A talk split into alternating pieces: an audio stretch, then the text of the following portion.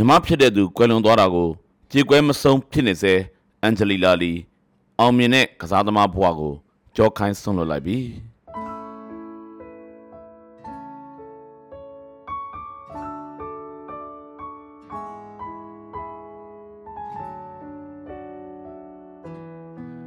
သူမနားသွားခဲ့ပြီအောင်မြင်တဲ့ကစားသမားဘဝကိုစောစောစီးစီးပဲအဆုံးသတ်သွားခဲ့ပါပြီ1996ခုနှစ် ဇူလိုင်လ6ရက်နေ့မှာမွေးဖွားခဲ့တဲ့သူမရဲ့နာမည်ကအန်ဂျလီလာလီပဲဖြစ်ပါတယ်။အန်ဂျလီလာလီဟာ One Championship လောကရဲ့နာမည်ကောင်းတစ်ခုကိုတိစောက်ထားနိုင်ခဲ့သူပါ။ကမ္ဘာချန်ပီယံရွှေကပတ်ကိုစကူရယူထားတဲ့အန်ဂျလီလာလီဟာဘာကြောင့်ကစားသမားဘဝကိုစောစောစီးစီးကြောခိုင်းလိုက်တာပါလဲ။အကြောင်းရင်းကတော့သူမရဲ့ညီမငယ်လေးဗစ်တိုရီယာလီကွယ်လွန်သွားခဲ့တာကြောင့်ပဲဖြစ်ပါတယ်။ဗစ်တိုရီယာလီဟာအသက်16နှစ်အရွယ်နဲ့ကွယ်လွန်သွားခဲ့တာပါ။ ဗစ်တိုရီယာလီဟာလည်းအန်ဂျလီလာလီလို One Championship ပြိုင်ပွဲမှာပါဝင်ကစားနေသူဖြစ်ပါတယ်။ဗစ်တိုရီယာလီဘာကြောင့်ကွယ်လွန်သွားခဲ့ရလဲဆိုတာကိုအန်ဂျလီလာလီတို့မိသားစုဘက်ကအခုအချိန်ထိထုတ်ပြန်ကြေညာခြင်းမရှိသေးပါဘူး။ဒေတာတစ်ခုကတော့ဗစ်တိုရီယာလီကွယ်လွန်သွားမှုကအန်ဂျလီလာလီတို့မိသားစုကိုအကြီးအကျယ်ရိုက်ခတ်ခဲ့တယ်ဆိုတာပဲ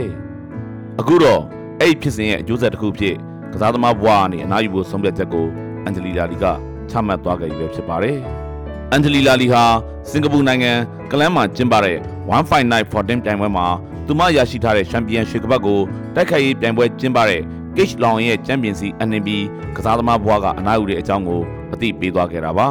။အချိန်ကာလနဲ့အတိအကျပြောရမယ်ဆိုရင်2023ခုနှစ်စက်တင်ဘာလ30ရက်နေ့မှာအန်ဂျလီလာလီကအနားယူသွားခဲ့တာဖြစ်ပါတယ်။အန်ဂျလီလာလီဟာကနေဒါနိုင်ငံမှာမွေးဖွားပြီး လက်ရှိမှာတော့ဟာဝိုင်မှာနေထိုင်နေပါတယ်။ဒါပေမဲ့အမေရိကန်နိုင်ငံသူအဖြစ်သူမကခံယူထားတာပါ။ထူးခြားတာတစ်ခုကကိုကံပညာဆုံးတိုက်ခိုက်ရေးပွဲတွေမှာစင်ကာပူနိုင်ငံအလံကိုရှုံလွှမ်းပြီးအန်ဂျလီလာလီကထိုးတက်လေရှိတာပဲ။အဲ့လိုဖြစ်ရတဲ့အကြောင်းရင်းကသူမရဲ့မိဘရဲ့နဲ့သက်ဆိုင်နေပါတယ်။အန်ဂျလီလာလီရဲ့အဖေဟာစင်ကာပူတရုတ်သွေးနှောကာပြပါ။သူမရဲ့မိခင်ကတော့တောင်ကိုရီးယားနိုင်ငံမှာမွေးဖွားခဲ့တဲ့ကနေဒါနိုင်ငံသူ US Lee ဖြစ်ပါတယ်။ဒါကြောင့်အဖေဖြစ်သူရဲ့နိုင်ငံတစ်ခုဖြစ်တဲ့စင်ကာပူကိုဂုဏ်ပြုတဲ့အနေနဲ့စင်ကာပူအလံကိုရှုံလွှမ်းပြီးအန်ဂျလီလာလီကထိုးတက်နေတာပါ။အန်ဂျလီလာလီဟာကစားသမားဘွားကနေအနောက်လိုက်ချိန်မှာအသက်28နှစ်ပဲရှိပါသေးတယ်။ဒါကြောင့်လဲ One Championship ပြည်သက်တွေကသူမကိုအယမ်းမဲနှမျောတာတာဖြစ်ကြတာပါ။အန်ဂျလီလာလီဟာ One Championship လောကရဲကိုကံပညာဆုံးတိုက်ခိုက်ရေးမယ်အဖြစ်ရပ်တည်ချိန်မှာစံချိန်ပေါင်းများစွာကိုရေးထိုးစိုက်ထူနိုင်ခဲ့ပါတယ်။ အတန်ဝိတ်တန်းနဲ့စထရောဝိတ်တန်းတွေမှာသူမကထိုးတက်ခဲ့တာပါ။ One Championship ရဲ့ One အတန်ဝိတ်တန်းကမ္ဘာချန်ပီယံရွှေကပတ်ကိုအသက်အငယ်ဆုံးစံချိန်ချင်းအဖြစ်နဲ့အန်ဂျလီလာလီကရရှိခဲ့တာဖြစ်ပါတယ်။2016ခုနှစ်မေလ9ရက်နေ့မှာအန်ဂျလီလာလီက1အတန်ဝိတ်တန်းကမ္ဘာချန်ပီယံရွှေကပတ်ကိုစုခုရရှိခဲ့ပြီးအဲ့ဒီနေ့ကအန်ဂျလီလာလီရဲ့အသက်ဟာ19နှစ်နဲ့6လသာရှိပါသေးတယ်။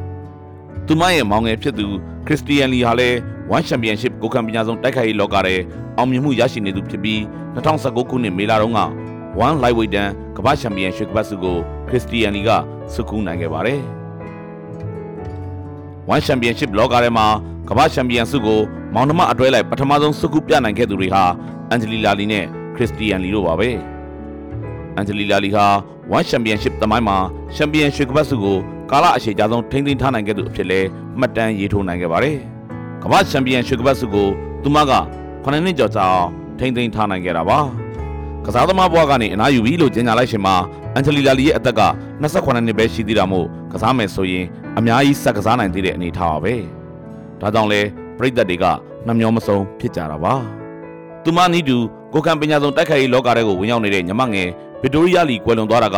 အန်ဂျလီလာလီကိုရင်မကပဲမိသားစုတစ်ခုလုံးကိုအခုအချိန်ထိထုံးနှံနေသေးတာလုံးဝကိုသိကြပါတယ်။ဗစ်တိုရီယာလီကွယ်လွန်သွားခဲ့ပြီးတဲ့နောက်ဟာဝိုင်မှာရှိတဲ့မိသားစုပိုင်းကိုကံပညာဆုံးတိုက်ခိုက်ရေးနီးစနစ်လေ့ကျင့်စင်တာကိုအန်ဂျလီလာလီတို့မိသားစုကပိတ်သိမ်းပစ်လိုက်ပါတယ်။အခုအချိန်ထိလည်းအဲ့လေ့ကျင့်စင်တာကိုပြန်မဖွင့်တော့ပါဘူး။ဒေတာတစ်ခုကအန်ဂျလီလာလီဆိုတဲ့အမည်နာမဟာဝမ်ချန်ပီယံရှစ်လောကထဲမှာတော့အမှတ်အသားတစ်ခုဖြစ်ထောက်ပြတ်မရနိုင်အောင်ဘုံရေးစတွဲထင်ကြံနေရစ်ခဲ့ပြီဆိုတာပဲဖြစ်ပါတယ်။ဘဝဖြတ်သန်းမှုမှာ